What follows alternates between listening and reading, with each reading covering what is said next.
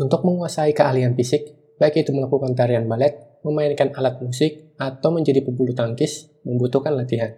Latihan adalah mengulang gerakan dengan tujuan penyempurnaan, dan latihan juga membantu kita melakukan sesuatu yang lebih mudah, cepat, dan meyakinkan.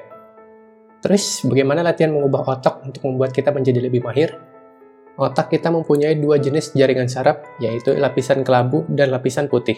Lapisan kelabu memproses informasi di otak, mengirim sinyal dan rangsangan sensorik ke sel saraf. Sedangkan jaringan putih terdiri dari jaringan lemak dan serabut saraf. Agar badan kita dapat bergerak, informasi perlu berjalan dari lapisan kelabu otak menuju saraf tulang belakang melalui sebuah rantai serabut saraf yang disebut dengan akson menuju ke otot. Jadi, bagaimana latihan mempengaruhi kinerja otak? Akson yang terdapat di lapisan putih dibungkus oleh sejenis zat lemak yang disebut dengan mielin. Bungkusan mielin inilah yang berubah dengan adanya latihan terus-menerus. Mielin ini mirip dengan insulasi kabel listrik. Mielin juga mencegah pengurangan daya sinyal listrik yang dipakai oleh otak dan membantu pemindahan informasi secara efisien dan sepanjang jalur saraf.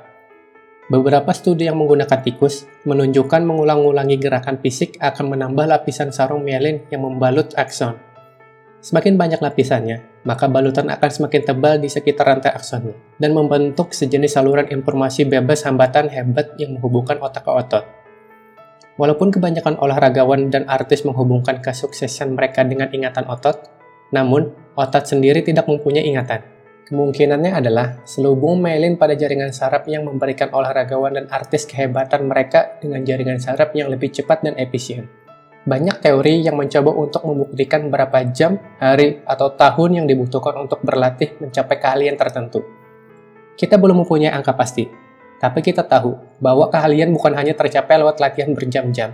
Kalian juga membutuhkan latihan yang berkualitas dan efektif. Latihan efektif adalah yang konsisten, sangat fokus, dan menargetkan kelemahan dari kemampuan seseorang. Jadi, kalau latihan efektif adalah kuncinya, maka bagaimana kita mampu mendapatkan yang terbaik dari latihan? Cobalah beberapa langkah berikut. Yang pertama adalah fokus pada tugas yang sedang dijalankan. Yang kedua adalah kurangi kemungkinan gangguan dengan mematikan komputer, TV, dan pengaturan ponsel Anda ke mode pesawat.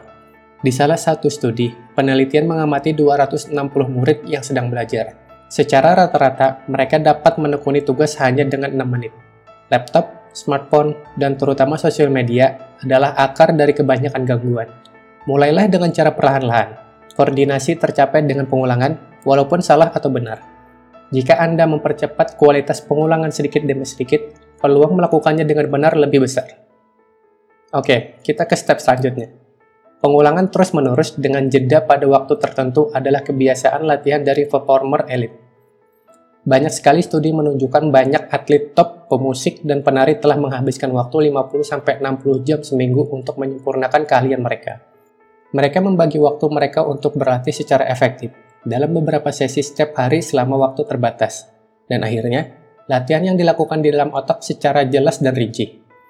Memang mengejutkan, tapi banyak studi yang mengusulkan kalau sebuah gerakan fisik sudah mapan, gerakan itu dapat diperkuat hanya dengan dipikirkan saja. Contohnya seperti ini.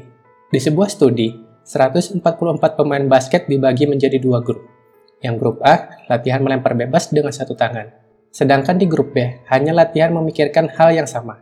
Ketika mereka diuji di akhir minggu kedua dari riset ini, pemain menengah dan berpengalaman dari kedua grup menunjukkan kemajuan yang sama.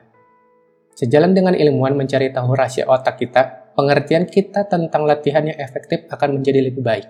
Sementara itu, Latihan secara efektif adalah cara yang tepat untuk mendorong kemampuan kita, mencapai level lebih tinggi lagi, dan meningkatkan potensi kita.